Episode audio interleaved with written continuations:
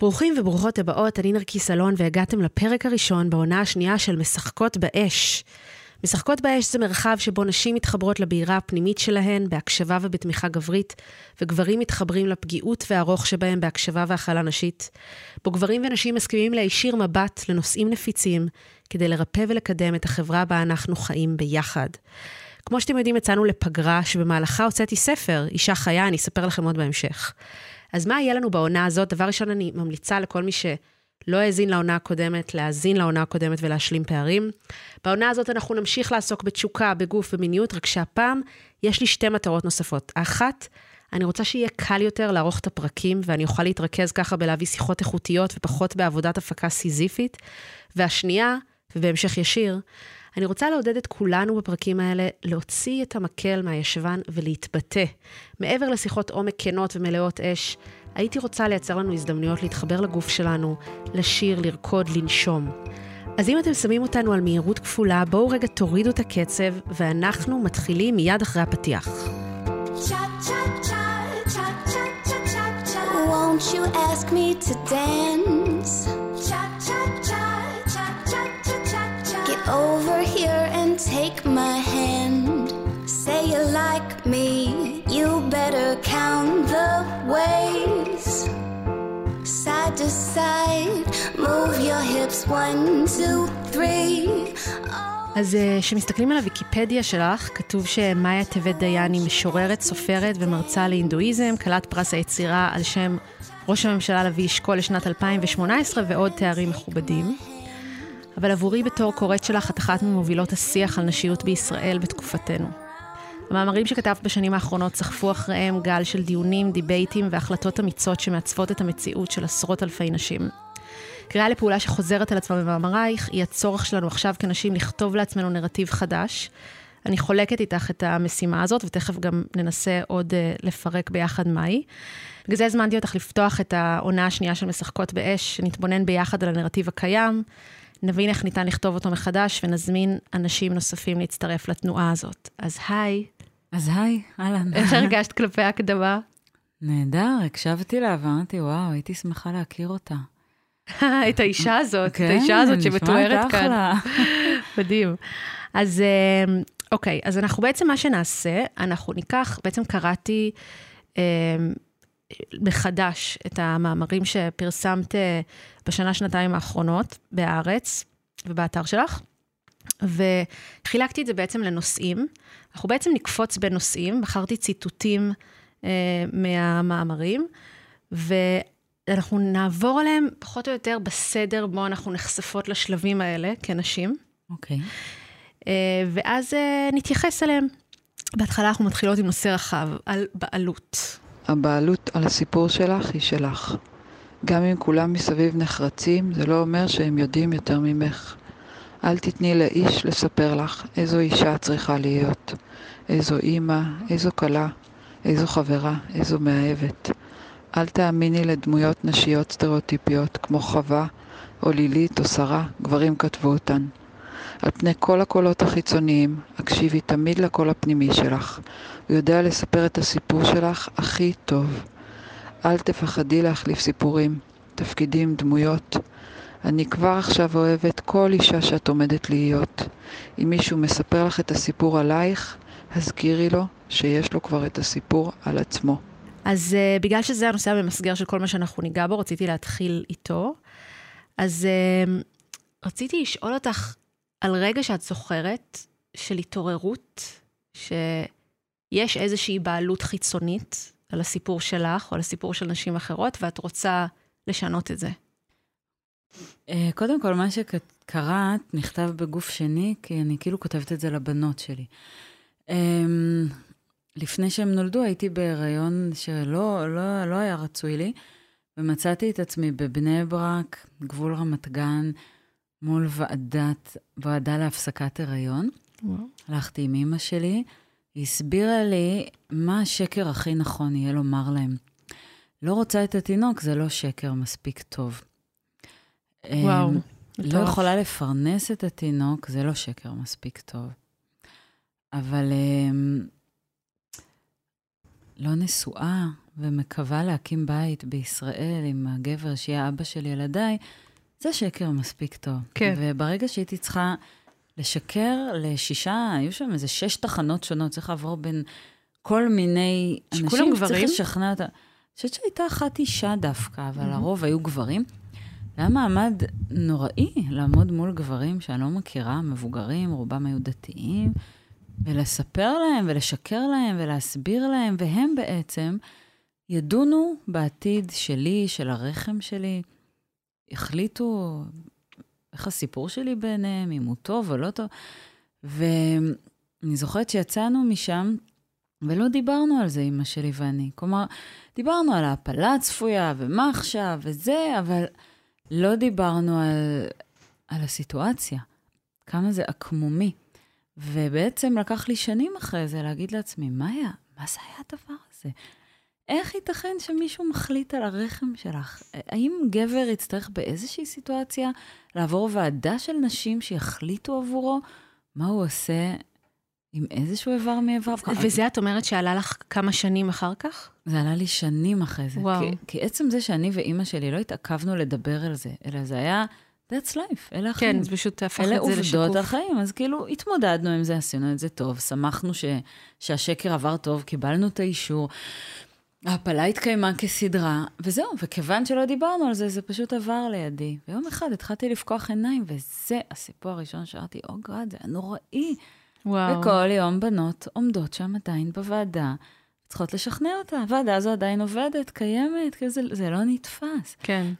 זה לא נתפס. תחשבי, גם יש כיום אה, מדינות מערביות שאסור בהן הפלה, שהפלה בהן אינה חוקית.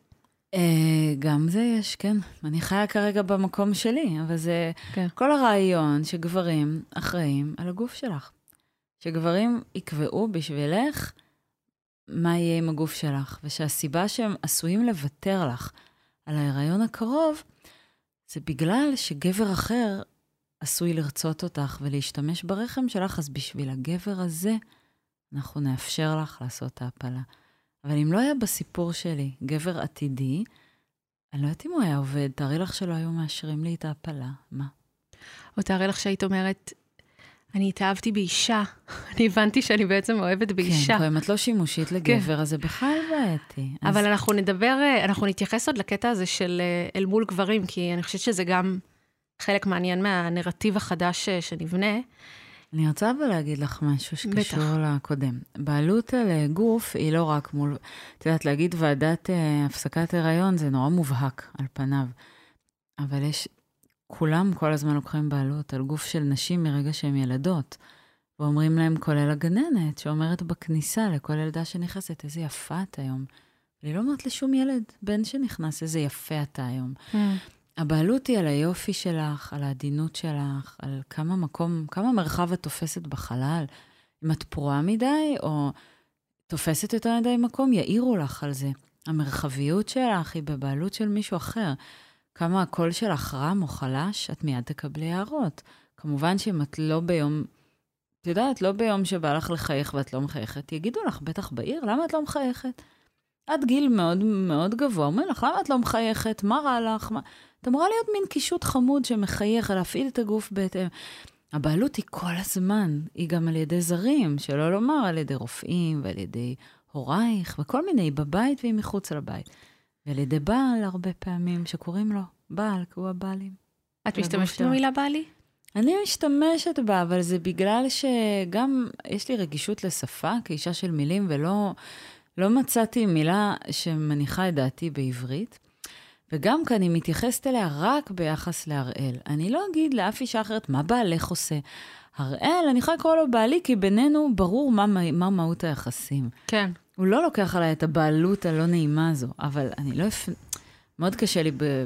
מול אחרים להגיד, ואני נשארת בלי מילה. חשוב לי להגיד בתור אימא לילד, שאני גם רואה הרבה מאוד uh, מהלכים כאלה שקורים לבנים פשוט בטריטוריות אחרות. Uh, נניח הקטע של אם קורה לו משהו והוא בוכה, ואז אומרים לו, טוב, לא קרה שום דבר, אתה חזק, אל תבכה, ולא אומרים את זה הרבה פעמים לילדה. לילדה מותר להביע את רגשותיה. מותר אה, לה להביע רגשות מסוימים, מותר לה לבכות, אבל אסור לה לכעוס. אסור לה לצעוק ואסור לה להיות נכון, נכון. אבל נחלצת, אני רק- אני רק אומרת השתלטנית. שהדיכוי הוא, אמ, הדיכוי חודר אה, לכל ה... לשני המגדרים, פשוט בצורה אחרת, אם אנחנו מסתכלות חודר- מילדות. הדיכוי חודר לשני המגדרים, כי הסיפור הוא סיפור של דיכוי, סיפור חיינו הוא של סיפור שליטה. של דיכוי נכון. ושליטה, אבל בזמן שגברים נאמר להם לא לבכות, לא נאמר להם להסיר את כל שיער גופן, פעם בחודש נגיד. אנחנו ניגע בזה ולפגוע- גם. לפגוע בבריאות שלהם ככה. כן. כלומר, עד- עוד פעם, לגברים כן לא, זה- נאמר ללכת לצבא, והם זה- יכולים גם למצוא את מותם וה- שם. והדחקת רגשות פוגע בבריאות שלהם, בגלל זה יש לך שיעורי התאבדות ודיכאון אה, בקרב גברים, ש... שזה גם קשור לתופעה הזאת. נכון, ובלי לבדוק את זה, אני מעיזה לומר שהבעלות על הגוף הנשי עדיין עולה לנשים יותר מאשר בעלות על גוף גברי. כן, אני חושבת שאצל גברים זה לא מתבטא בבעלות על גוף, אני מסכימה איתך, אצל אישה ואני הדבר אגיד עוד, הזה... עוד איזה כן. מחשבה, אני חושבת שרוב הבעלות על הגוף הנשי היא באמצעות גברים, ורוב הבעלות על הגוף הגברי היא באמצעות גברים. כן, ואולי אפילו זה לא גברי. טוב, אנחנו נדבר, אנחנו נגיע לזה. אה, למרות שזה שיחת הבעלות, אבל אה, כן.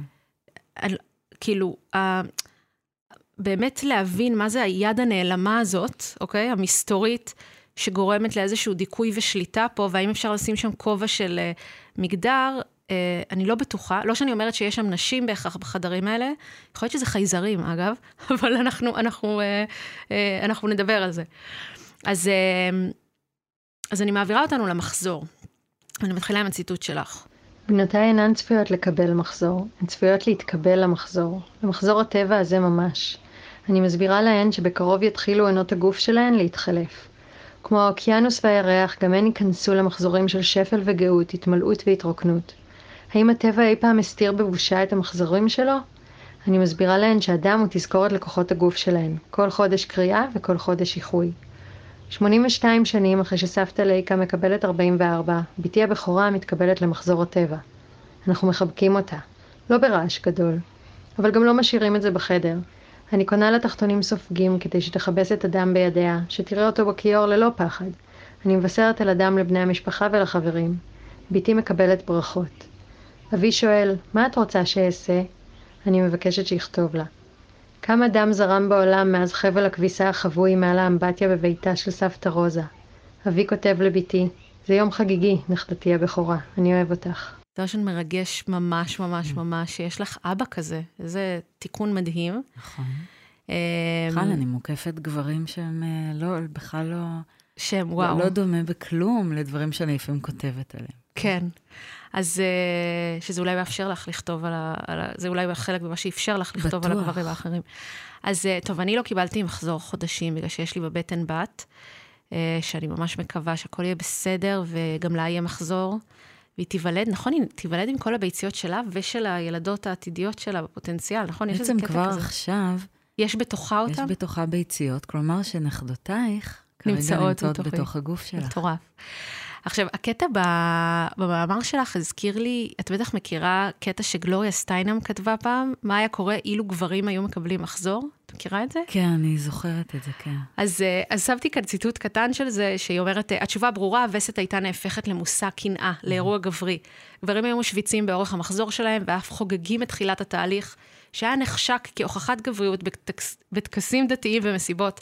הקונגרס היה מממן ארגון לאומי לטיפול בהפרעות וסת, תחבושות היגייניות היו ניתנות בחינם במימון הממשלה, אנשי צבא, פוליטיקאים ימניים וקנאים דתיים היו מסבירים שהמילה menstruation אינה אלא men-struation, ומשתמשים בכך בהוכחה שרק גברים רואים לשרת בצבא, לכהן במשרות ממשלתיות, להיות כמרים או רבנים, ואילו גברים רדיקליים, פוליטיקאים מהשמאל ומיסטיקנים, היו מתעקשים שנשים הן שוות, רק שונות, ושכל אישה יכולה להגיע לדרגה שלהם אם היא תהיה מוכנה לפגוע בעצמה בפצע חמור כל חודש, צריכה לתת דם לבעד המהפכה ולהכיר בעוצמת חשיבותה של הווסת. אז uh, זה קטע, אני חייבת לשתף שאני לא יודעת מאיפה זה הגיע לי, אבל אני תמיד רציתי לקבל מחזור, בכיתה ו' אפילו שיקרתי לאמא שלי שקיבלתי כבר מחזור, וואו. כי בנות אחרות קיבלו ורציתי, היא עלתה על זה די מהר. um, אבל רציתי לבקש ממך, um, דווקא לא המק... פחות המקום של רגע להביע את הדעה על מה שקיים, ויותר על לדמיין על מה שיכול להיות קיים. בעולם בו אנחנו באמת מרגישות שהתקבלנו למחזור הטבע, ואנחנו באמת מכירות ב...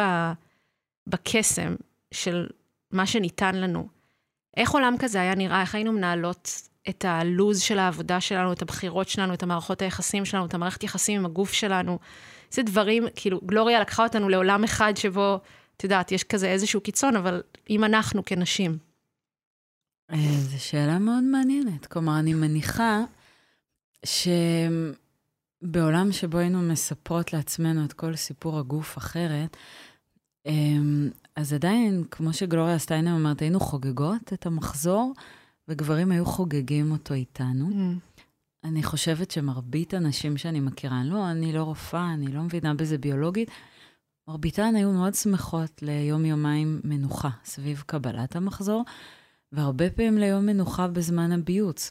אלא שהרבה מהן בכלל לא יודעות מתי הן מבייצות, עד כדי ככה אנחנו בניכור גופי. נכון. Uh, אני חושבת שאלה ימים שצריכים להיות ימי מנוחה. הרבה יותר חשוב, לצורך העניין, מפעם בשבעה ימים. פעם בשבעה ימים זה לא מחזוריות של גוף של אישה. אני לא יודעת, היא אולי קשורה לאלוהים, והיא קשורה, אני לא יודעת למה. אבל לאישה יש uh, מחזוריות אחרת של ימי מנוחה, אז יכול להיות שהיינו משנים את מבנה השבוע. לא היו קוראים לו אולי שבוע, מהמילה נכון. שבע. אני לא יודעת. Um, אני, אני מניחה שהפרסומות סביב זה היו נראות אחרת, שאדם היה חוזר להיות אדום. עכשיו, גברים אוהבים עד, לא גברים ככלל, לא 100% מהגברים, אבל גברים רבים, עד היום מאוד מאוד אוהבים דם. לא, לא את דם האישה, הם אוהבים דם, יש את ה... נכון, האירוע המתוקשר הזה שבו שוחטים אה, לוויתנים על חופי יפן פעם בשנה, זה כל הים נצבע בדם. אמ, הרבה משחקי מחשב אה, מחזירים אותנו לקרבות אמיתיים, כי כבר המלחמות בעולם יותר ויותר סייבריות נכון. ונקיות, אז משחקי המחשב הדם, כן. מחזירים את הדם. כלומר, הרבה גברים, או גברים רבים, אוהבים דם ואת מראה הדם. יכול להיות שבסיפור החדש הם יאהבו את מראה הדם של האישה, אבל כרגע, בפרסומות ואז אולי. יהיה להם פחות צורך במלחמות, כי יהיה את הדבר הזה. אני לא יודעת. בואי לא נגיע עד לשם, יכול להיות שזה משהו במבנה המוח, אבל... אני אומרת, לפחות לא, לא תהיה מלחמה בגוף האישה. לא יילחמו באישה, לא יירתעו ממנה, לא יגאלו ממנה, לא יתרחקו ממנה. ההתרחקות מאישה במחזור היא עתיקה מאוד, אם משחר המין האנושי, גברים יתרחקו. עכשיו, יכול להיות שזה יתאים, יכול להיות שאנחנו לא רוצות שיתקרבו אלינו במחזור. נכון, יכול להיות לא שבהתחלה כשזה התחיל, זה לא היה. יכול להיות שזה לא התחיל בכוונה mm-hmm. רעה בכלל, אלא דווקא לתת את ה space והאוהל האדום. ו... יכול להיות שזה space, אבל מה שקורה בינתיים באוהל הכחול של הגברים... האוהל הלבן, אני מכירה שקוראים לזה בגלל אוקיי, השפיך, אז כן. באוהל הלבן של הגברים זה שיש הרבה דיבור על רתיעה, על גועל. ההתרחקות הזו, אנחנו קצת untouchables כאלה, אסור כן. לגעת בנו, הפרדת אמיתות כן. ביהדות. כן.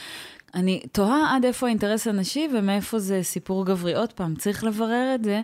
מעולם לא היה זמן להקדיש לזה. ו... ואנחנו כל הזמן הולכות עם ה... תחת המחזור, אנחנו חיות תחת אה, המון כותרות והמון מחשבות על הגוף שלנו. הגוף שלנו הוא מין מטפטף אינסופי. שצריך לספוג אותו. בזמן מחזור אנחנו סופגים את מה שבפרסומות נראה כחול וסגול, אבל הוא בעצם אדום, סופגות את הדם. בין המחזורים אנחנו כאילו כל הזמן מלאות בהפרשות וצריכות לספוג אותם, זה הפרסומות מספרות, לא הגוף. אנחנו כמובן בוכות הרבה ומזיעות שלא לצורך, אז צריך כל הזמן לספוג את נוזלי הגוף שלנו. אנחנו פשוט בעיית אינסטלציה. עכשיו, יכול להיות שתפיסה אחרת של מחזור תאפשר לנו קצת לקבל בהבנה יותר, לספוג פחות. למשל, אני תוהה אם, עזבי את אמצעי הספיגה, שאני נגדם, אה, גם תפיסתית אני נגדם. אני לא חושבת שכל הזמן צריך לספוג, צריך ללמוד לרוקן כשצריך, ו- ולהמשיך את חייך. אה, האם תחתונים זה דבר נחוץ? האם אישה המציאה תחתונים? או, כלומר, מה זה תחתונים? מה, מה הטעם בהם בעצם? פרט לשמ, לשמירה על, אה, על צניעותך, אם את הולכת עם חצאית מיני נורא קצרה, אבל רובנו לא הולכות עם חצאית מיני נורא קצרה. מה זה הסיפור של תחתונים על איבר ש, שהוא כמו הפה שלנו, שהוא צריך, הוא לנשום. מלא נוזלים, הוא צריך לנשום. לנשום. אני, אני תוהה גם מה זה, ו- ועוד תחתונים, על זה לא מדברים. על אמצעי ספיגה כמעט כבר לא מדברים. אנחנו כבר מדברות על שתי שכבות. נכון. שתי שכבות נכון. ספיגה, שהגוף שלנו... שעלייך להחליף מדי יום, כן. לפחות מדי כן. יום. יש לי חברות שיש להן מין פדים יומיים, שהן כל פעם שהן הולכות לשירותים, מחליפות פד יומי. עולם שלם של פדים ותחתונים ובדים ותחבושות. ו... אני אומרת, למה? כלומר, אני יכולה... למה? כלומר, זה מרחיק אותי מהגוף שלי, זה מרחיק את בנותיי מהגוף שלהן. את מפסיקה לחוש, את, את לא יודעת בכלל מה יוצא או לא יוצא ממך, את לא יודעת מה הצבע, כן. מה הריח, אם יוצא. וואלה, יש נשים שאין להן בכלל הפרשות וגינליות, הן יודעות את זה? או שהן בטוחות שגם הן צריכות כל הזמן לספוג ולהיספג? כן. הכל כל כך מעוות, אז זה לא רק המחזור, זה כל התפיסה של הגוף הנשי כמפגע אינסטלציה. כן. זה בעיניי. גם תחשבי על זה שברגע שאת מקבלת התניה אה, להיות ברתיעה מהנוזלים שלך, תחשבי איזה השלכה יש לזה על המיניות. כי הרי הנוזלים שלך יכולים להיות חגיגה, את יודעת, על-חושית. אבל כאילו. כמה נשים מנוכרות מהווגינה שלהם, מהריחות שלה, הולכות ומתנצלות, לא מסוגלות להסתכל עליה.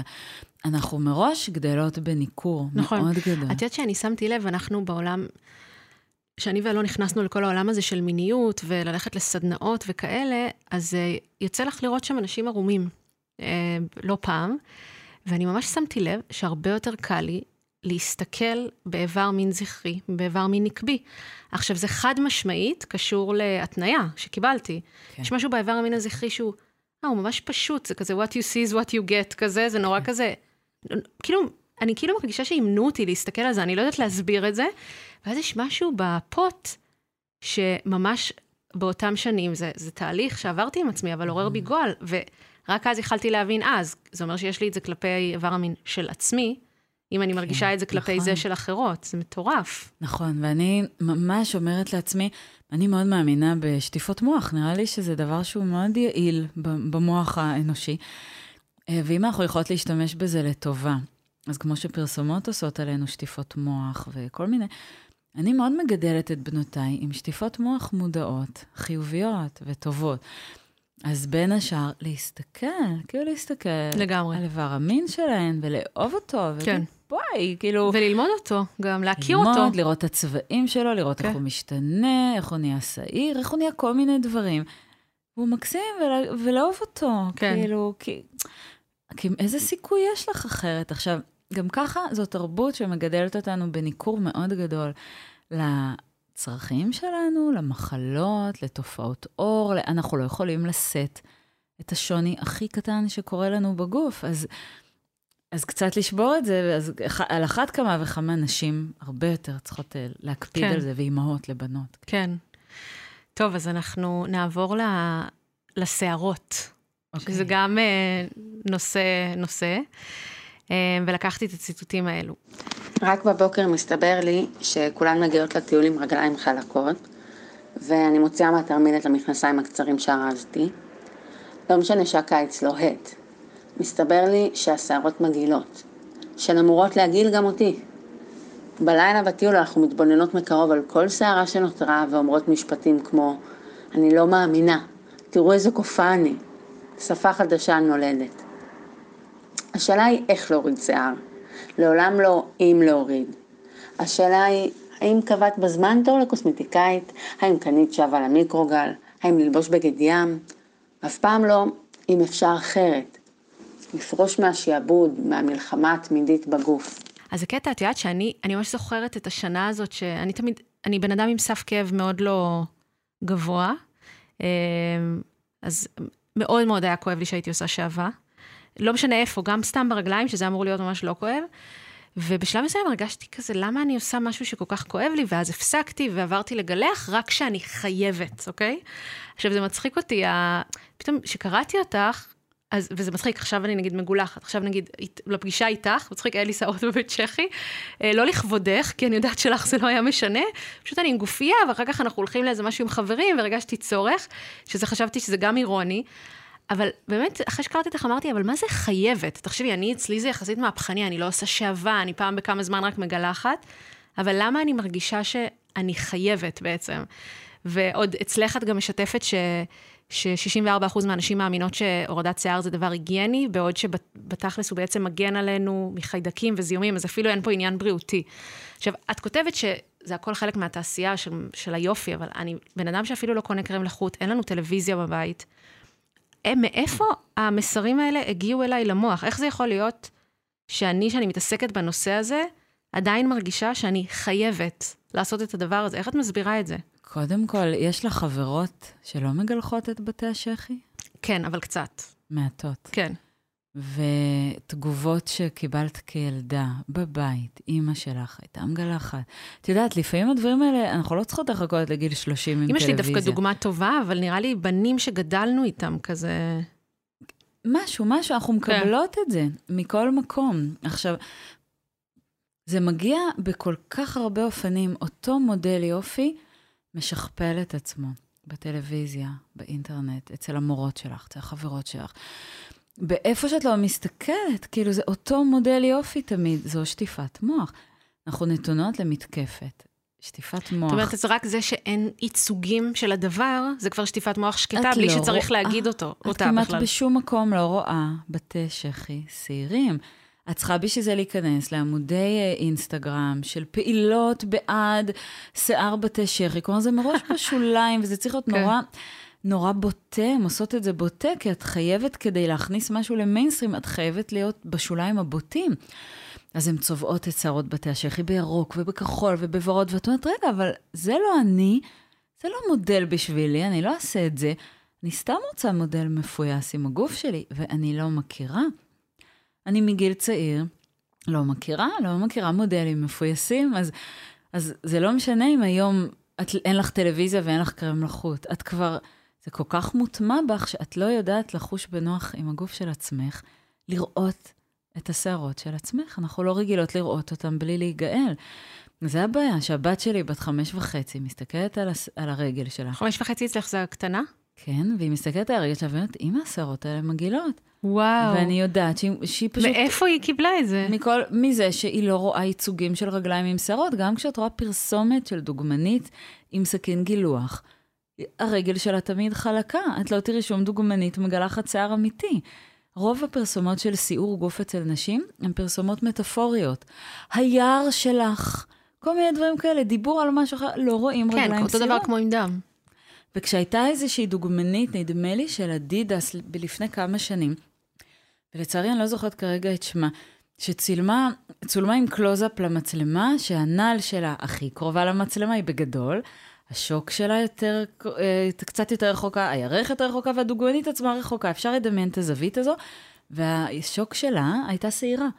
והיא קיבלה איומים על חייה. לא. כלומר, היו צריכים בסוף לגנוז את הפרסומת, כי אי אפשר... איומים על חייה שמה? ש... שהיא שעירה, שהיא קופה שעירה, ושלא תצטלם ככה, מה זאת אומרת? מטורף. כלומר, אנחנו חיות תחת טרור יופי. זה לא מושג שלי, זה נעמי וולף אה, אה, אה, הגתה אותו, המציאה אותו, טבעה אותו. וטרור היופי הוא טרור, כלומר, הוא באמת מאיים על חיינו. כי נשים, יש אחוזי נשים, ש, וזה קיים בסטטיסטיקה כל שנה, כמה נשים מאבדות את חייהן בגלל טיפולי יופי, שרובם זה הסרת שיער. כמה נשים איבדו את חייהם. מה זאת אומרת, איך, איך נשים מאבדות את חייהן מטיפולי יופי? בגלל שלא כולם גרות בחוף המערבי, ליד כן. מכון לייזר, חלקן גרות בסרי לנקה. והן מאוד צעירות, ואין להן את האמצעים, והן מנסות כל מיני חומצות וכל מיני דבקים וואו. על הגוף, והן מתות. והן לא מתות, הן נהיות נכות לכל החיים, או עם כוויות לכל החיים. כלומר, יש על זה המון מחקרים. נשים מרגישות שהן לא יכולות לצאת מהבית בלי לתקן את הפגם הזה, שהוא עצמן, ובדרך כלל השיער. זה בא בניגוד מוחלט לזה שיש שיער שצריך לטפח ושיהיה מלא. כלומר, אנחנו מחולקות, מבוטרות לאיברים. ואומרים לנו לגבי כל איבר, מה הסיעור הנכון שלו. נכון. וזה גם בעיה. את כילדה כל הזמן עושה מפה, מפת איברים. לא טוב שיהיה לך קרחת בראש או, או מעט שיער, זה לא טוב, אז אנחנו נוסיף לך תוספות שיער, נעשה שמפוים עם ווליום, כל מיני מנפחי שיער. אה, לגבי הווגינה שלך זה עניין של אופנות, אז אם את היפסטרית או אם את לא היפסטרית, כלומר זה עניין של אופנות, רגליים, ידיים, בתי שחי, יש לכל איבר את, את, את אה, תפריט הסיעור שלו. מה זה הדבר הזה? מה, כלומר, למה אנחנו מסכימות, עוד פעם, עם הסיפור הזה שמספרים לנו על הגוף שלנו, שבאופן טבעי, היינו גדלות באיזה אי, אני לא חושבת שהיינו לא נותנות את דעתנו, כן. מי בכלל ידעה או זכה שיש לה שיער כזה או אחר? המודעות הזו, והיא מודעות שהולכת עם שנאת עצמי, ותמיד תחת טרור. עכשיו, בטרור נלחמים בטרור, כנראה. צריך איכשהו לעשות את הטרור ההפוך. לא- שאיך ש... זה נראה מבחינתך? אני לא יודעת, אני לא יודעת. אני כרגע עסוקה עוד בפקיחת העיניים. אני לא בטוחה ש... שהמשפט הזה נכון, שבטרור נלחמים בטרור, את יודעת? בעולם שאני רוצה לבנות. אה, בשטיפת מוח נלחמים בשטיפת מוח. זה, זה, על זה אני חושבת, כן. אוקיי? זה לא טרור של מיליציות הרי. כן. זה טרור שנמסר לנו בשטיפת מוח. כן. ואנחנו צריכות, לדעתי, לעסוק בשטיפת המוח ההפוכה. שטיפת מוח אחת לא יותר טובה משטיפת מוח אחרת, אבל יש סיכוי ששטיפת המוח שהיא בעד הגוף ובעד אה, פייסנות עם הגוף וקבלה שלו תהיה יותר טובה לנשים, בכל זאת. למה לא לפעול למען התעוררות, שכל אישה תוכל לעשות את הבחירות שלה פשוט בהתאם להעדפות האישיות שלה, ולא רק בגלל שזה צו האופנה החדש עכשיו להיות קשובה לעצמי. התעוררות כזו דורשת שטיפת מוח. ולהיות קשובה לעצמך זה טוב ויפה, אבל את מאוד קשובה לעצמך, ואת הבוקר גילחת את השערות, כי לא נוח לך להיות מול החברים שאת הולכת לפגוש עם שערות. וזה דיבור של מישהי מודעת לעצמה, שמנהלת איתי את השיחה עכשיו. עכשיו, זה בסדר, זה דיבור מודע. את אומרת, לא נוח לי, אני מבינה שאני פה קורבן של הדבר הזה. לא, את יודעת, גם אם- באותו רגע אני לא מרגישה כאילו אני משלמת מחיר כזה כבד, כי זה לוקח לי שתי דקות. כן. אני מבינה אבל- שזה חלק, שזה קובייה אחת מתוך מגדל, שכאן את מגלחת, שם את עושה זה, פה את אומרת את המשפט ההוא, אני מבינה. המחיר הוא כשאת עומדת באמבטיה, והבת שלך מתבוננת בך, והיא רואה אותי ושואלת אותך עושה את זה. בפעם הראשונה, מה את עושה? נכון. ואז צומחות לה שערות, והיא שונאת אותה מהרגע הראשון. אז מה את עושה, מה. את עושה עם זה? איך את מנהלת את היחסים שלך. עם אני קודם השיער? כל, יש שנים שאני לא מגלחת. כן. תלוי גם איפה אני חיה, איפה אני בעולם. בקנדה זה היה מאוד מקובל. בארץ אני מרגישה פחות בנוח. אני, בכל אופן, מול בנותיי, אומרת להם את זה. אני אומרת להם, תשמעו, אותי גידלו בטרור שיער מוחלט. אימא שלי בשנייה שהיה לנו כסף, והיינו תמיד עם אה, חובות, אבל בשנייה שהיה כסף, הדבר הראשון שהיא קנתה לעצמה היה מכשיר אפיליידי כן, ראיתי למדיטציה. שכתב. אני מגדלת אתכם אחרת, אז תבחרו מה אתם רוצות. תראו, אני היום, אין לי את הכוחות שאולי לכם יש. אז יש מקומות שאין לי את הכוחות בהם, אין לי כן. את היכולת, ויש מקומות שיש, אני במשא ומתן עם זה, אני, אני מראה להם את הפגיעות שלי מול זה. כאילו, כן. לפחות זה. אני לא יכולה להיות מה שאני לא, אני לא יכולה להיות סופר וומן, אבל לפחות לומר להם את האמת. הגד... הם שתיהם, אגב, בחרו לא לגלח את בתי השחי, so far. והגדולה שלי גם רקדנית. והיא כמה הגדולה שלך? 13 וחצי, ורקדנית, ועם באיזה בגדי גיל גוף. אה, נערות מתחילות? הן מתחילות. בשנייה שיש להן שערה ראשונה, זה שזה גיל בדרך? 10 וחצי בדרך כלל. אני לא זוכרת דבר כזה, זה לא היה ככה כשאני הייתי בת עשר. אני לא זוכרת, כן, אולי זה היה פחות. אצלנו מגיל 11 כבר הורידו שערות בשעווה ברגליים. וואו. לא, אצלי זה היה בחטיבה, אני אז זוכרת. כנראה תלוי גם איפה, איפה, את יודעת, נכון. המקומות הם שונים והכל, בסוף איכשהו כולם מגיעות לזה. נכון, בסוף, את יודעת, בטירונות כולם מגלחות איכשהו. עכשיו, כן. אנחנו צריכות בעצם, מה זה שטיפת מוח אה, הפוכה? זה הרבה נשים נותנות אה, כובע דעת קהל, שיראו את השערות שלהם. כן, זה הרבה מודלים. היפות, את החדשקונים שלהם. שיראו מה זה להיות לא מאופרת, שיראו כל מיני דברים, צלוליטיס, כן. פשוט יראו את זה, וברגע שיש מודלים כאלה, את באמת יכולה לבחור. לא כן. יכולה לבחור רק כי אומרים לך, את אישה חופשייה ותבחרי. איך אני אבחר שכולם נראות אותו דבר? כן, מה אני אבחר להיות שונה? זה לא תמיד הבחירה הנעימה, לא כולם בנויות לזה אגב. נכון. וואו. אז uh, בנושא הבא, uh, בחרתי שניגע במיניות, בגלל שגם הפודקאסט הזה מאוד עוסק במיניות, וגם זה חלק פשוט בלתי נפרד מלפני שאנחנו נמשיך uh, לנושאים נוספים שכתבת עליהם. עוד לא כתבת uh, מאמר שמתרכז במיניות, אז אני אביא לנו ציטוט מהספר שלי, ונתייחס אליו. אני בטוחה שאת תכתבי אבל, כי את חייבת. כן, אמ, וואו. אני חושבת שכדאי, אני הייתי רוצה כן. מאוד לקרוא אותך על זה. ספר מתחיל במשהו שקוראים לו ביוגרפיה קצרה. זה ממש כמה עמודים, אז אני נותנת לך אה, תמונת מצב משני גילאים. אני בת 13. האנרגיה שלי מוקדשת לחברים שלי ולהיכרות עם חברים חדשים בבית הספר, וגם לאחר שעות הלימודים. אני מכירה את אוהד, שלומד בבית ספר שנמצא במרכז תל אביב, ואנחנו הופכים להיות זוג. הוא מעשן סיגריות ושומע מוזיקה של גדולים. יש לו קול נמוך, כאילו הוא כבר גבר. אנחנו בחדר שלו. הוא משמיע לי את השיר, תפסיק כבר לעשן, תפסיק כבר לעשן. אנחנו צוחקים, שוכבים על המיטה שלו זה ליד זו. הוא נוגע בי. אני שוכבת מעליו והוא מתחיל לזוז מצד לצד ולהתחכך בי. מה אתה עושה? אני שואלת. סקס יבש, הוא עונה. מעל הבגדים שנשארים על גופנו, איבר המין שלו פוגש באיבר המין שלי. נעים לי? אני שואלת את עצמי. לא נראה לי. לזוז? להישאר במקום? בזמן שהגוף שלי קפוא והמוח מריץ התלבטויות, אוהד מתנשף בכבדות. מסיט את ראשו הצידה, ובעדינות מוריד אותי ממנו. שנינו שוכבים על הגב, הוא מסובב אליי את הראש ושולח לעברי חצי חיוך. החוויות האלה, למרות שהם היו בגיל מאוד צעיר, עיצבו את כל המיניות שלי אחר כך ל-15 שנים בערך, אולי קצת פחות. אמ, ואת יודעת, הקטע של ההרגל הזה להתאים את תנועות קצב גופי למה שבעצם הפרטנר מסמן, ובאיזשהו שלב, את יודעת, הגוף שלך הופך להיות כהה חושים, בגלל שאם את כל כך הרבה שנים בעצם לא מתעניינת במה נעים לו ומה זה, אין מושגים כאלה בכלל.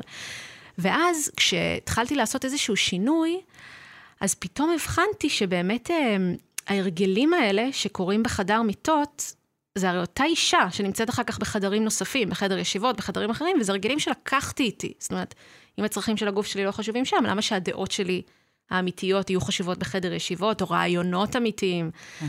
עכשיו, אני חייבת, אני, אני לא קיבלתי על הדברים האלה הכנה בבית, קיבלתי הרבה דברים אחרים נפלאים בבית. לצורך העניין, אימא שלי הצילה אותי מהגבר המתוסבך הזה. אמ, אבל אה, איך את, בתור אישה, ש... בתור אימא שכל כך מביאה למודעות הנושאים האלה, מכינה את הבנות שלך לכל הפרק הזה שנקרא המיניות בחייהן והיחסים האלה עם גברים, כי זה... כי אין מה לעשות, זה נושא גם בפני עצמו, למרות שהוא המשך ישיר למודעות לשיער ולמחזור ולאהבת גופנו. אה, קודם כל, אני, אני מאוד בשאלות עם עצמי, עד כמה, עד, עד איזה מקום זה התפקיד שלי, במובן זה של, אני לא יודעת אם זו השיחה, אם זו השיחה הנכונה איתם, אם אני אמורה להיות מורה שלהם לדברים האלה, עד כמה הן מסוגלות להקשיב לי. ולכן במחשבה שלי, אני לא עושה שום שיחה ישירה על זה. אבל אני כל הזמן מטפטפת כל מיני אמיתות בעניין הזה. אחד, אמ, אחד, הילדות שלי יודעות שסקס זה כיף. ו, והוא ממש כיף בהגדרה, אסור שהוא יהיה לא כיף. הוא לא יכול להיות לא כיף. זה לא כמו שאנחנו אומרים, טוב, את בבית ספר, בית ספר לפעמים זה כיף, לפעמים זה לא כיף, זה עדיין בסדר. סקס, הוא לא יכול להיות לא כיף. עכשיו, כיף זה כל מיני דברים, אבל כיף זה לא העמדת פנים. את לא יכולה להעמיד פנים שכיף לך. ואני הרבה מספרת להם, וזה החינוך המיני שלי עבורם, אני מספרת להם עליי, אני מספרת להם על כל הגברים שיצאתי איתם. וואו. אנחנו מגיל מאוד צעיר. עוברות אחד-אחד, אני אומרת להם איך קראו לו. מאיזה גיל התחלת שיחות כאלה? מה היה איתו? וואי, הבת שלי מגיל עשר. וואו. מאז שהיא בת עשר, אמרתי לה, אני אספר לך על כל אחד שיצאתי איתו. מה, מה היה איתו, איך היה איתו, איך אהבתי אותו, למה נפרדנו, איך היה הסקס איתו, איך היו הוריו, כל מיני דברים, מה למדתי משם, במה לא הבחנתי, מה, מה גיליתי מזה, אפילו אם זה מערכות יחסים מאוד קצרות או ארוכות, שהיא תדע. ואני מקווה ככה דרך זה, א', לומר לה, זה בסדר, תחווי כמה שיותר חוויות, תתנסי, אם אמא שלך עשתה, את יכולה. שתיים, להגיד לה, לא כל אהבה היא אהבת חיים. ומותר לטעות, ודברים טובים קורים מלב שבור גם.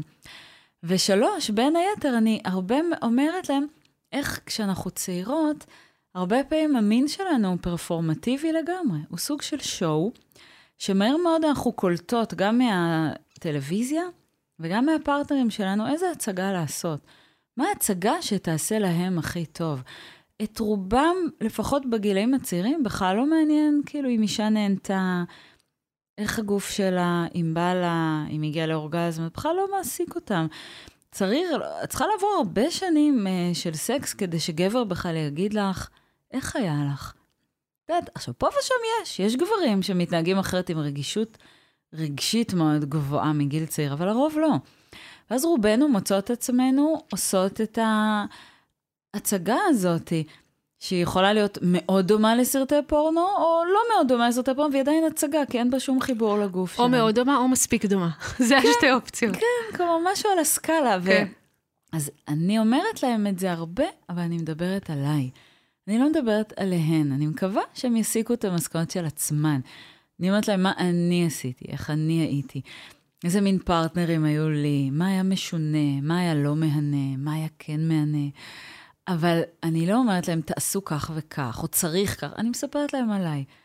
מין, תדעו מה האישה הזו עברה, כי אני לא שמעתי מאימא, מסבתות, מה הן עברו. אף אחד מעולם mm. לא סיפרה לי.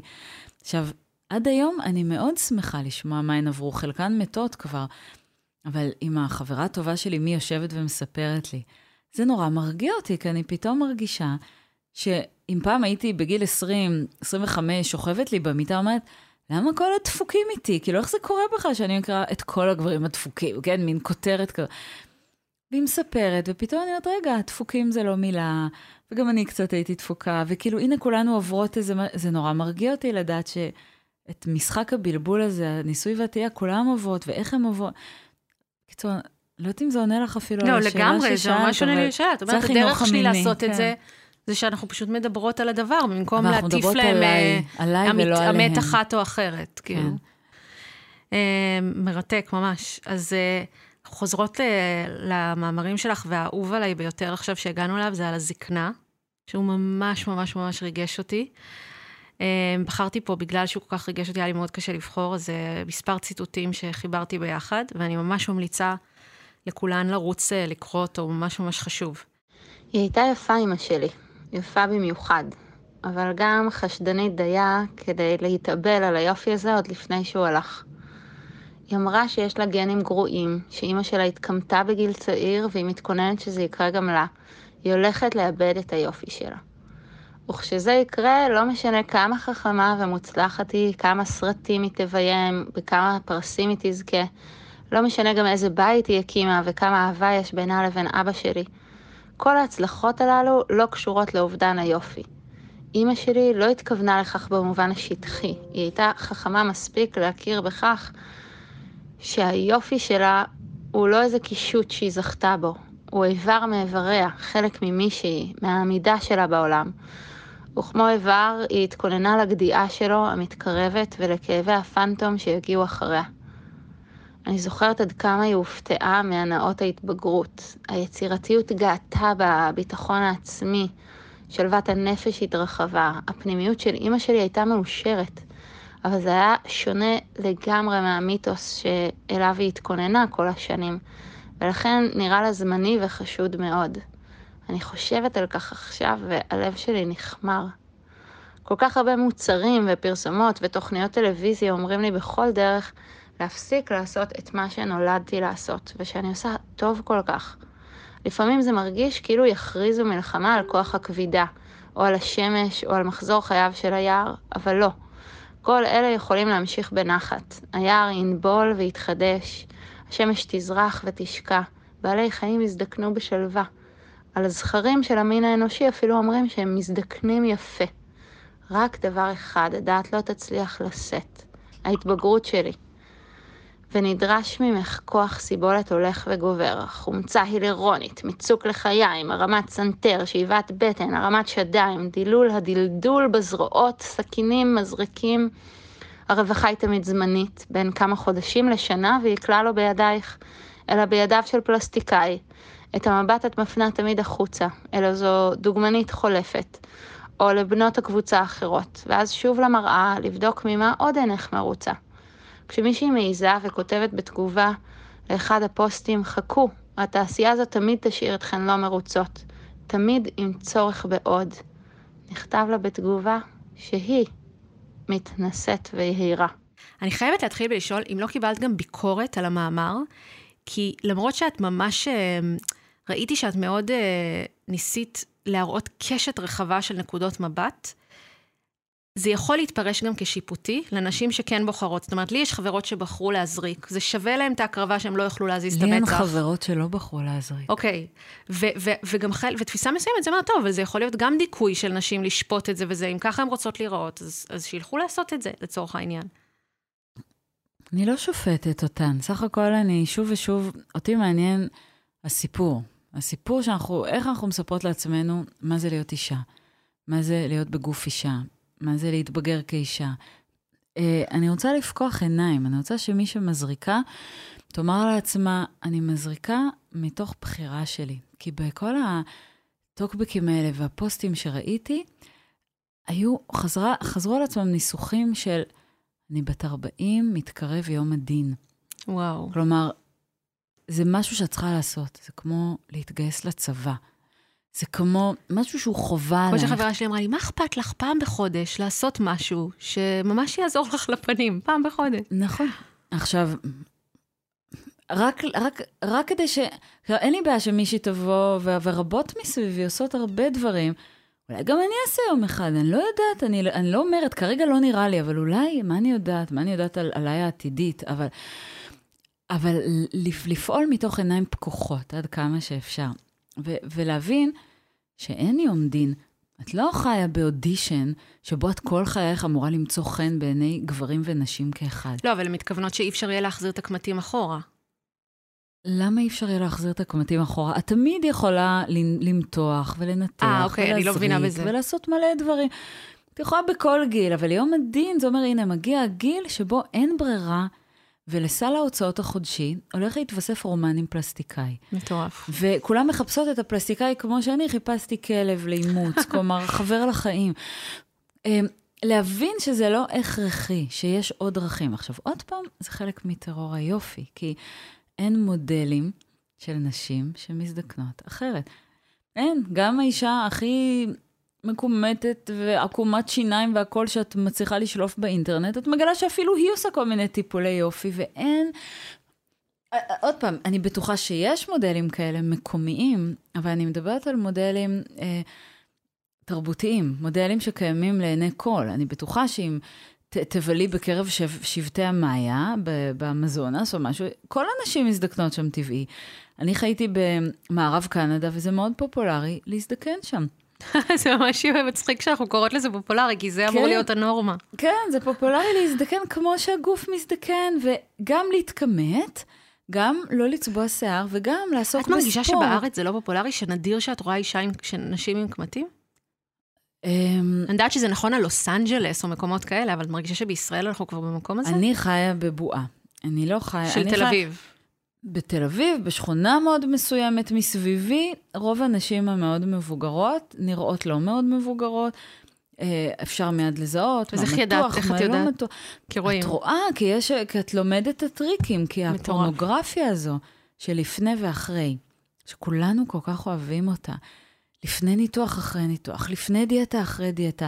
אני יודעת לזהות איך נראות אה, כפות ידיים מבוגרות. יש, יש איברים שעדיין הפלסטיקה לא הצליחה נכון. להצעיר, וצוואר. ואז אפשר לעשות השוואה. כאילו. כולל זה שאת רואה אישה שגם בחום הכי גדול לובשת אה, כפפות וצעיף, את מבינה שכאילו אלה האיברים שהיא מסתירה, בגלל שהם עדיין... וואו, בחיים לא חשבתי על זה. הם מסתירים את הגיל. אנחנו כל כך מומחים בפורנוגרפיה הזו, אז... אין, אני לא, אבל עוד פעם, אני לא רואה מודלים תרבותיים כאלה. אני לא רואה בנטפליקס נשים באמת מקומטות ושמחות ויפות. כלומר, אם הן נורא מקומטות, אז הן בתפקיד המכשפה הרעה בסרטי ילדים. הן תמיד יהיו רעות. את יודעת שאת גיבורת תרבות שעולה לי בראש אה, כשאמרת נשים מקומטות ושמחות? זאת מאיה אנג'לו. שכבר לא בחיים. ספרי לי, היא מאוד מקומטת הייתה? כלומר, אני מנסה רגע להיזכר. אני חושבת שהיא הייתה כמו עצמה. אני די בטוחה, אני אראה לך אחר כך תמונה, אין לי רדאר מספיק טוב כאן, לא מספיק מבינה זהו, בזה. זהו, אני כזה לא עולה לי מיד ה image. כן. אבל, אה, אבל עוד פעם, את יודעת, ואנחנו כזה אומרות, טוב, name one, כן. מאיה אנג'לו, כן. והצלחנו למצוא את האישה המקומטת כן. של המאה ה-20, שהצליחה, כן. הסכימה להצטלם ככה. אי אפשר למצוא כאלה. כן. אי אפשר למצוא. ו, וכשאני מדברת עם נשים מבוגרות מסביבי, אז כן, אני מכירה נשים ש, שמזדקנות באופן מפויס עם עצמן. וגם גדלתי עם סבתות שהיו מאוד, מפוי... מאוד מאוד מפויסות עם עצמן, אבל אני הרבה יותר מזה רואה נשים מיוסרות שמשוות את עצמן למה שהן היו ולמה שהן יכולות להיות לפי כל מיני טיפולים. אני חשופה למלא פרסומות שהן אלימות ממש לגבי טיפולים קוסמטיים. וואו. הן מפחידות, מאיימות ממש, כלומר, הקולות האלה הם הרבה יותר רמים. מהקול של האישה אחת שמפויסת עם עצמה ולא מצטלמת אף פעם לרשתות, או מלקטת צמחים בעמק וחיה עם uh, גבעול בזה, אבל אנחנו לא רואים אותה. אז עוד פעם, אני מדבר, מדברת על נותנות הטון. איפה הם, איפה אלה שהזדקנו? כלומר, אז אני כתבתי שם במאמר הזה, אני מקריבה את עצמי, אני הולכת להיות מודל להזדקנות אחרת, אבל זה לא מספיק רק אני. לא, אבל צריך. אמרת קודם שאולי את כן תזריקי, את, את אני אומרת, ש... אני היום, אני למדתי לא להתחייב כבר על כלום, כי אני היום בת 46, אני יודעת שמאיה שהייתה בת 26, שונה באופן תהומי ממני היום, אז מי זו מאיה בת 66? נכון, את לא יודעת. על פניו, היום אני אומרת, כן, אני... תראי, עוש... נראה לי שעוד 20 שנה כולנו... אותי להזדקן כמו שזה. אני גם יותר כן. יפה היום ממה שהייתי, אז כן. אולי זה ימשיך. כן. אולי המגמה הזאת תמשיך, לא יודעת. אני גם, כשנכנסת הביתה היום, כשראיתי אותך, ישר חשבתי שאת זוהרת. רק כן, שתדעי. זוהרת, בבקשה, זורחת. וזה בלי זה, וזה כן. בלי, בלי שום דבר. אז אני לא יודעת אם אני זוהרת, אבל אני בוודאות... יש בך משהו זורח, כן. אתה יודע, אני בוודאות, בוודאות יותר יפה ממה שהייתי כן. כל השנים, והייתי בסדר. כן. אז מי יודע, אני רוצה לנסות את זה ולראות. בואי כן. נראה מה. את יודעת, אני די בטוחה שעוד 20 שנה הרבה מאיתנו יהיו במטאוורס, ביקום הווירטואלי, אז במילא לכולם יהיו אבטארים, ויכול להיות שזה אפילו לא יהיה קונפליקט שמעסיק אותנו. וכנראה מתחת לאדמה בגלל ההתחממות. בדיוק. מאורות קרירות כנראה כאלה. לא פה, בדיוק. אמ, אבל אני חייבת רגע לשאול לפני הנושא האחרון כזה שלנו, אמ, בכל זאת, עוד כמה משפטים על איך נראה עולם כזה, שבו נשים embracing את הלהזדקן, חוץ מלא לעשות את ההזרקות, כי... כי התבגרות והזדקנות, יש בה משהו, את גם מדברת על זה במאמר, שהוא יותר אה, שלם מזה, שהוא יותר עגול מזה. נכון. כלומר, אנחנו בעצם מדברות על תהליך שמתחיל בהיגמלות, בגמילה מ- מאסטרוגן, מה. שאוהבים לכנות אותו כגיל המעבר, הכינוי המזוויע הזה. אז הגמילה מאסטרוגן, שמביאה איתה הרבה מאוד דברים, מביאה איתה דכדוך אה, נפשי עמוק, וניכור עצמי לפעמים, והיעדר חשק מיני לגמרי. ואת קצת באיזו התנתקות, לדעתי, אם נדבר יותר רוחנית, את מתנתקת מתדר אנרגטי מסוים, שאת מאוד רגילה אליו, ואת אמורה להתחבר לתדר אנרגטי אחר, את כאילו מחליפה תחנה ברדיו. רק ששוב, בסיפור הקיים רוב הנשים מחפשות כל הזמן את התדר, התדר כאילו התלכלך להם, והן מנסות לדייק את התחנה, אין לחזור, קליטה. כן. נוסיף עוד אנטנה, נהיה על ראש ההר. ובסיפור המדומיין שלי, החדש, שאולי אולי נגיע אליו, אמ, כלומר, אולי נגיע אליו בימינו, אנחנו מדברות עליו כל הזמן, אנחנו באופן מפויס נחליף תדר, ונבין גם מה היופי של התדר החדש. עכשיו, כשכתבתי את המסע הזו, אז דיברתי וראיתי מלא סרטים, דיברתי עם המון נשים. הייתי חייבת להבין מה קורה, אני לא בגיל הזה עדיין. ופגשתי לא מעט נשים שהחליפו תדר יפה, הן בתחנה אחרת ברדיו, ויש בה המון המון יופי, המון כוח. חלקן רק התחילו להצליח, Mm, אישית וכלכלית וקרייריסטית, בגילאים האלה, אחרי שהם נגמלו מאסטרוגן. וואו. חלקן נהיה להם פחות כאב ראש ממיניות שרדפה אותן כל השנים, שהייתה מאוד לא מבוסתת. הם לא איבדו חשק מיני, הם פשוט ויסתו את החשק המיני. וואו. פחות היו רדופות על ידי למצוא חן בעיני גברים, או להשיג זיונים, או כאלה. התפנה להם מלא זמן תודעתי ורגשי. אנחנו לא מדברים על זה, בגלל שנשים כאילו ש... אפילו בגילי אולי, למרות שאני לא בטוחה, כאילו עתידן מאחוריהן כבר.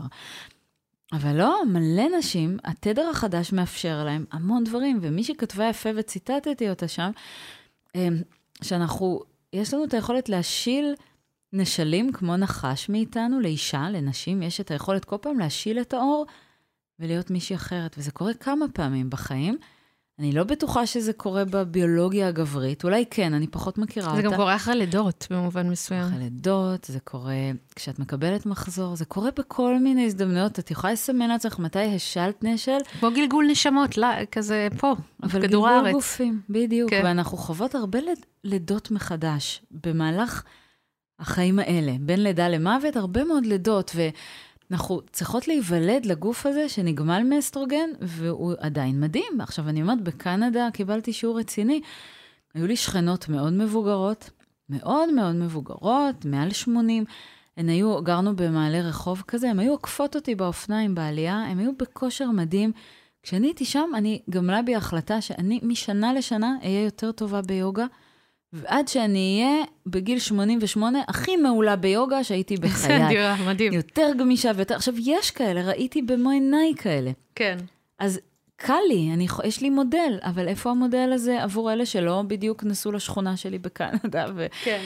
כן, אז, אז על זה אנחנו מדברות. אנחנו צריכות לייצר מודלים חדשים. אם המודל הזה ירצה להזריק לעצמו מגניב, אבל יש יוגה פנים. כן. את עושה יוגה לפנים, את משקיעה בשרירים של הפנים שלך. כלומר, יש עוד אפשרויות, אף אחד לא מכיר אותן. כן. אף אחד לא מכירה. כאילו. וגם זה לשנות את כל התפיסה, מה שאת מדברת על אה, איך אנחנו משתבחות עם השנים, במקום להסתכל על זה כמשהו שהולך ונרקב. נכון, שגברים משתבחים עם השנים. כן. וגם זה סיפור, כי חלקם כן משתבחים, חלקם לא, כן. חלקם מתים עם השנים. קורה להם כל מיני דברים. נכון. אז גם לנשים קורים כל מיני דברים, ולהגיד, לא, אני משתבחת עם השנים. ואני גם, בין היתר, אחראית לכסף שלי. אני לא הולכת להוציא את הכסף שעבדתי עליו כל כך הרבה על, על ניתוחים. אני אלך להוציא אותו, נגיד, על יותר שעות ספורט, פסטיבלים בטבע ותזונה בריאה, למשל. זה הכסף שלי, כלומר, זה גם נכון. עניין כלכלי. למה אני שופכת אותו לכיס של מישהו שגורם לי להתמכר אליו, לעשות מלא הזרקות או מלא ניתוחים, אבל לא מבריא את הגוף שלי בשום צורה?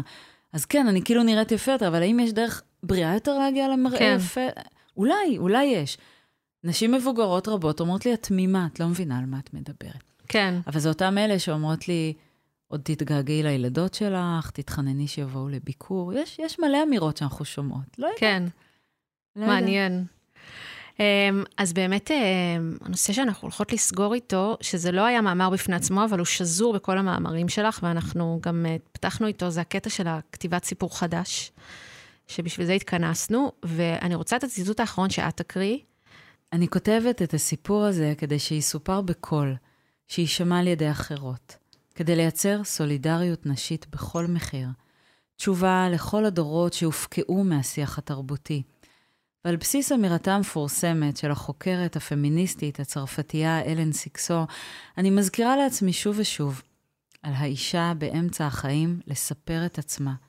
על האישה לספר על האישה באמצע החיים, ולהביא נשים באמצע החיים אל הסיפור שממנו הן הורחקו באלימות, כפי שהורחקו מגופן שלהן מאותן סיבות, תחת אותו חוק, למען אותה מטרה ממיתה.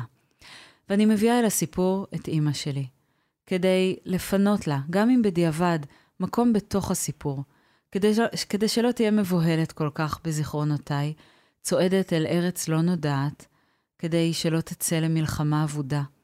והנה אימא שלי בטקסט הזה, בטקסט אמצע החיים, לאחר שדפקה על דלתות רבות כל כך, והסיפור לא היה קיים.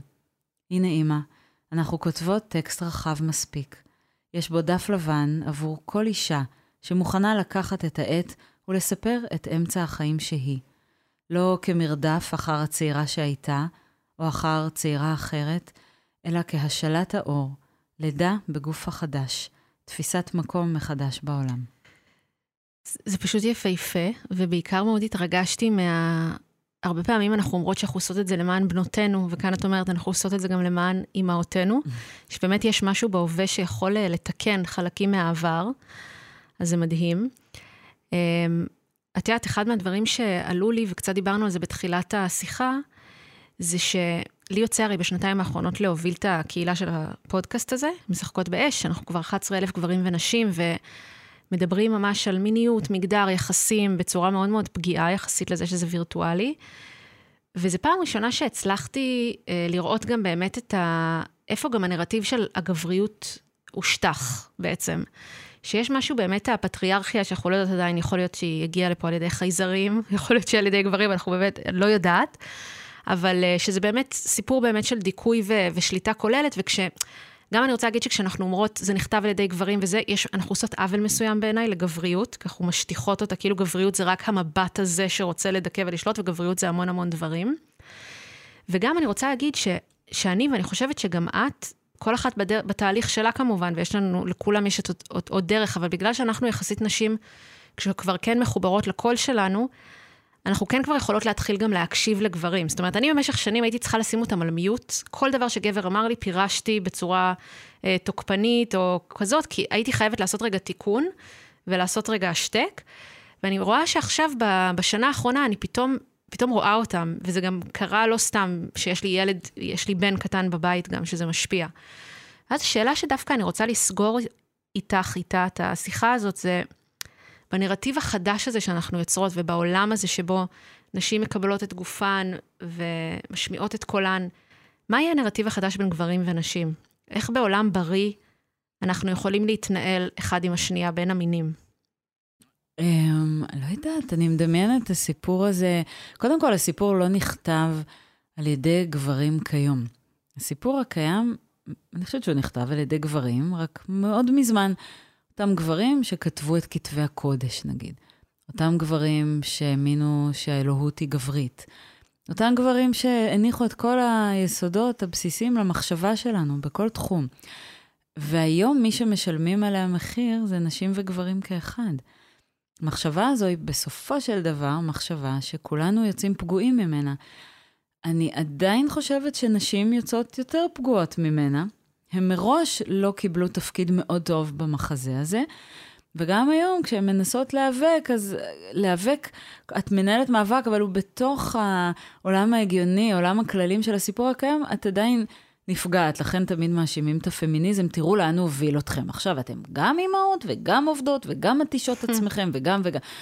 נכון, כי זה סיפור עם ערכים של הישגיות, של כמות. של תחרות. זה, של תחרות, של שליטה והכפפה. זה, זה סיפור שלא סופר, למשל, מקצועות טיפוליים בכלל. אה, לא סופר אותם כמקצוע, למרות שהוא מבוסס עליהם. כי, כי כולם צריכים שיטפלו בהם. והרבה אנשים צריכים גם לטפל באחרים כדי להיות מאושרים. פשוט כדי להיות מאושרת, את צריכה לתת לאחרים. אבל הסיפור הגברי לא... הסיפור, אני קוראת לו הגברי, הסיפור הקיים, לא מעריך את הנתינה הזו. הוא הרבה פעמים דווקא מעריך לקיחה, הוא מסמן מפראייר וממלך ומשולט. ו... הוא לא סיפור שמאמין שאת יכולה, שהצמיחה היחידה האפשרית היא באמצעות הצמחה של אחרים, אלא באמצעות דריכה על אחרים. אז אני מדמיינת סיפור שמראש הערכים שלו אחרים, ולכן גברים יצאו מאוד מורווחים ממנו גם. כי כיף מאוד שמטפלים בך וכיף לטפל. כיף אה, שבודקים את ערכך ולא רק את הכמות שלך. הרבה גברים נרמסים תחת הצורך להיות ארנק משפחתי. לגמרי. או להיות לוחם אמיץ, או להיות כל מיני דברים שהם בכלל לא. וכמובן, המון גברים רוצים לבכות ולדבר על זה ולברר את זה, ושלא ייגעו בגוף שלהם בצורה כזו או אחרת, ולא כל הדברים... או שלא ידרשו מהגוף שלהם להיות משהו מסוים. שלא ידרשו, ולא תמיד רוצים שיגעו בגוף שלהם בכלל, וכלומר, גם גברים הם עולם שלם, מנעד, מנעד ומלואו, אבל אין למנעד הזה מקום בסיפור הזה. הרבה מאוד גברים מתחזקים את הסיפור הזה, כי עדיין הם הפריבילגים בו. כלכלית יותר קל להם. Uh, בכל מיני מובנים יותר קל להם, הם בעלי השליטה. שהם לא צריכים לקחת חופשת לידה, הם יכולים uh, לחזור לישון, הרבה הרבה... כל כן. מיני דברים, באמת כן. לא נוח, לא נוח לטפל, לא נוח, uh, עבודת האימהות היא עבודה הרבה פעמים לא נוחה. והרבה פעמים פשוט גברים מורחקים ממנה על ידי נשותיהם ואימותיהם, הם מורחקים. אנחנו בדרך כלל לא מגדלות את הבנים שלנו, לי אין בנים, אבל אני רואה מסביבי. רוב, רוב, רוב הנשים, האימהות סביבי, לא מגדלות את הבנים שלהם לטפל באף אחד. אז הן מונעות מהם עולם שלם, שהוא עולם של רגש וחמלה, ו- ועולם ש- שמדבר אחרת, לא, לא במונחים של שליטה ומלחמה. אה, עולם של חונכות מתמשכת, איפה זה? כלומר, אז, אז מה יקרה? וזה אמ, זה גלוריה סטיינם שאלה, מה יקרה אם נחנך את הבנים שלנו להיות קצת יותר, במרכאות כפולות, נשיים? קצת יותר טיפוליים ורקים וחומלים, ולהסתכל גם על, על הזמן שלך באופן שהוא לא תמיד עלות תועלת, וכל מיני... מה יקרה? בואו בוא נעשה את הניסוי הזה. כלומר, אז כשאני אומרת את זה, הרבה גברים אומרים לי, מה, הבן שלי יהיה הומו. כן. ואני אומרת, מעולה, שהבן שלך יהיה הומו, מעולה. איזה הצלחה. כן. איזה הצלחה, כאילו. מה אם נגדל בנים, את יודעת, בלי פחד, שהם לא יהיו דומים לסיפור הגברי האחד, גם זה טרור. נכון. טרור הגבריות, כן? נכון. אבל אני פה לדאוג לנו כרגע. אני בטוחה שעם חלק מהדברים שנאמרו הסכמתם יותר, עם חלק הסכמתם פחות. הדבר החשוב ביותר בעיניי לקחת מהדברים שמאיה אמרה, ומהדברים שהיא כותבת, היא הזמנה של כולנו לכתוב, לכתוב סיפורים חדשים, שמשרתים נשים, שמשרתים גברים, שבונים לכולנו עולם טוב יותר. ואם בסיפורים ובכתיבה עסקינן, זה מוביל אותי לשתף אתכם לסיום על הספר שלי. בשלוש שנים האחרונות כתבתי ספר שנקרא אישה חיה. ספר מדבר על המסע שעברתי מאישה שלא מסוגלת להיות במגע מיני ללא כאב, שאין לה חיי מין עם הבן זוג שלה, שרוב הזמן מרגישה עייפה וחסרת שביעות רצון מהחיים עצמם, לאישה שאני כיום, אישה שחיה. אני זוכרת את הפעם הראשונה שפגשתי נשים שיש להן חיי מין מלאי עונג. אני הייתי בשנות ה-20 והתחלתי להשתתף לראשונה במעגלי נשים, ונגלה לי שם עולם שלא הכרתי. עד אז הרגשתי פגומה, ולא שיתפתי אף אחד בסוד המביך שהיה לי. אין לי ממש חיי מין, והמעט שהיה לי היה רחוק ממענג. הבושה סביב הסוד הזה גדלה וגדלה, עד שהתחילה לפלוש לכל היבט בחיי. כשפגשתי את אותן נשים שהיו מספרות על מפגשים ארוכים שמשקיעים בחקירת האורגזמה שלהן, הן הפנטו אותי. הרגשתי שהן מבינות משהו, שיש להן איזשהו ביטחון לתפוס מקום במרחב, להתבטא ולהגשים. מהרגע ששמתי לב לזה, לא יכולתי שלא לשים לב לקשר. איפה שראיתי אישה מוגשמת, ראיתי אישה מחוברת לגוף שלה. איפה שראיתי אישה כבויה, ראיתי אישה שאיבדה את הקשר לגוף. הרגשתי שאני רוצה לעבור לצד הגוף. ערב אחד, אחרי מפגש מיני מתסכל במיטה, נולדה בתוכי ההחלטה. גופי יחווה עונג. בתוך הזוגיות, מחוץ לזוגיות, איפה שזה לא יהיה, העונג הולך להיות חלק מחיי. ההחלטה הזאת הוציאה אותי למסע חקירה על הקשר הקיים בין הגשמה ועונג, שהוליד את משחקות באש וגם את הספר הזה. הספר משתף בתהליך המיני שהציל לי את הנישואים ושינה לי לגמרי את הקריירה. הוא מספר על המסע לגילוי המיניות שעבר בסדנאות טנטרה, בשחרור התניות מהעבר, במפגשים מטלטלים עם טראומות של נשים סביבי, ביזמות ובתהליך של עשיית שלום עם גברים. חקרתי בו את הקשר בין עונג למנהיגות ובין חיבור לגוף להגשמה. הוא נכתב עבור נשים שרק למדו להגיד לא, ועכשיו בוחרות מה כן, לאנשים שלא מגשימים את עצמם מבחינה מינית, ולמען הריפוי בין גברים ונשים. אישה חיה יכול לעודד אתכם לצאת לדרך של היכרות עם הגוף וחקירה מינית, ולאפשר לדרך הזאת להאיר את חייכם. הספר מגיע בעותק פיזי או בדיגיטל, או כמובן באופציה האהובה עליי, באודיו, שבה אני מקריינת, כך שזה ממש כמו הפודקאסט הזה.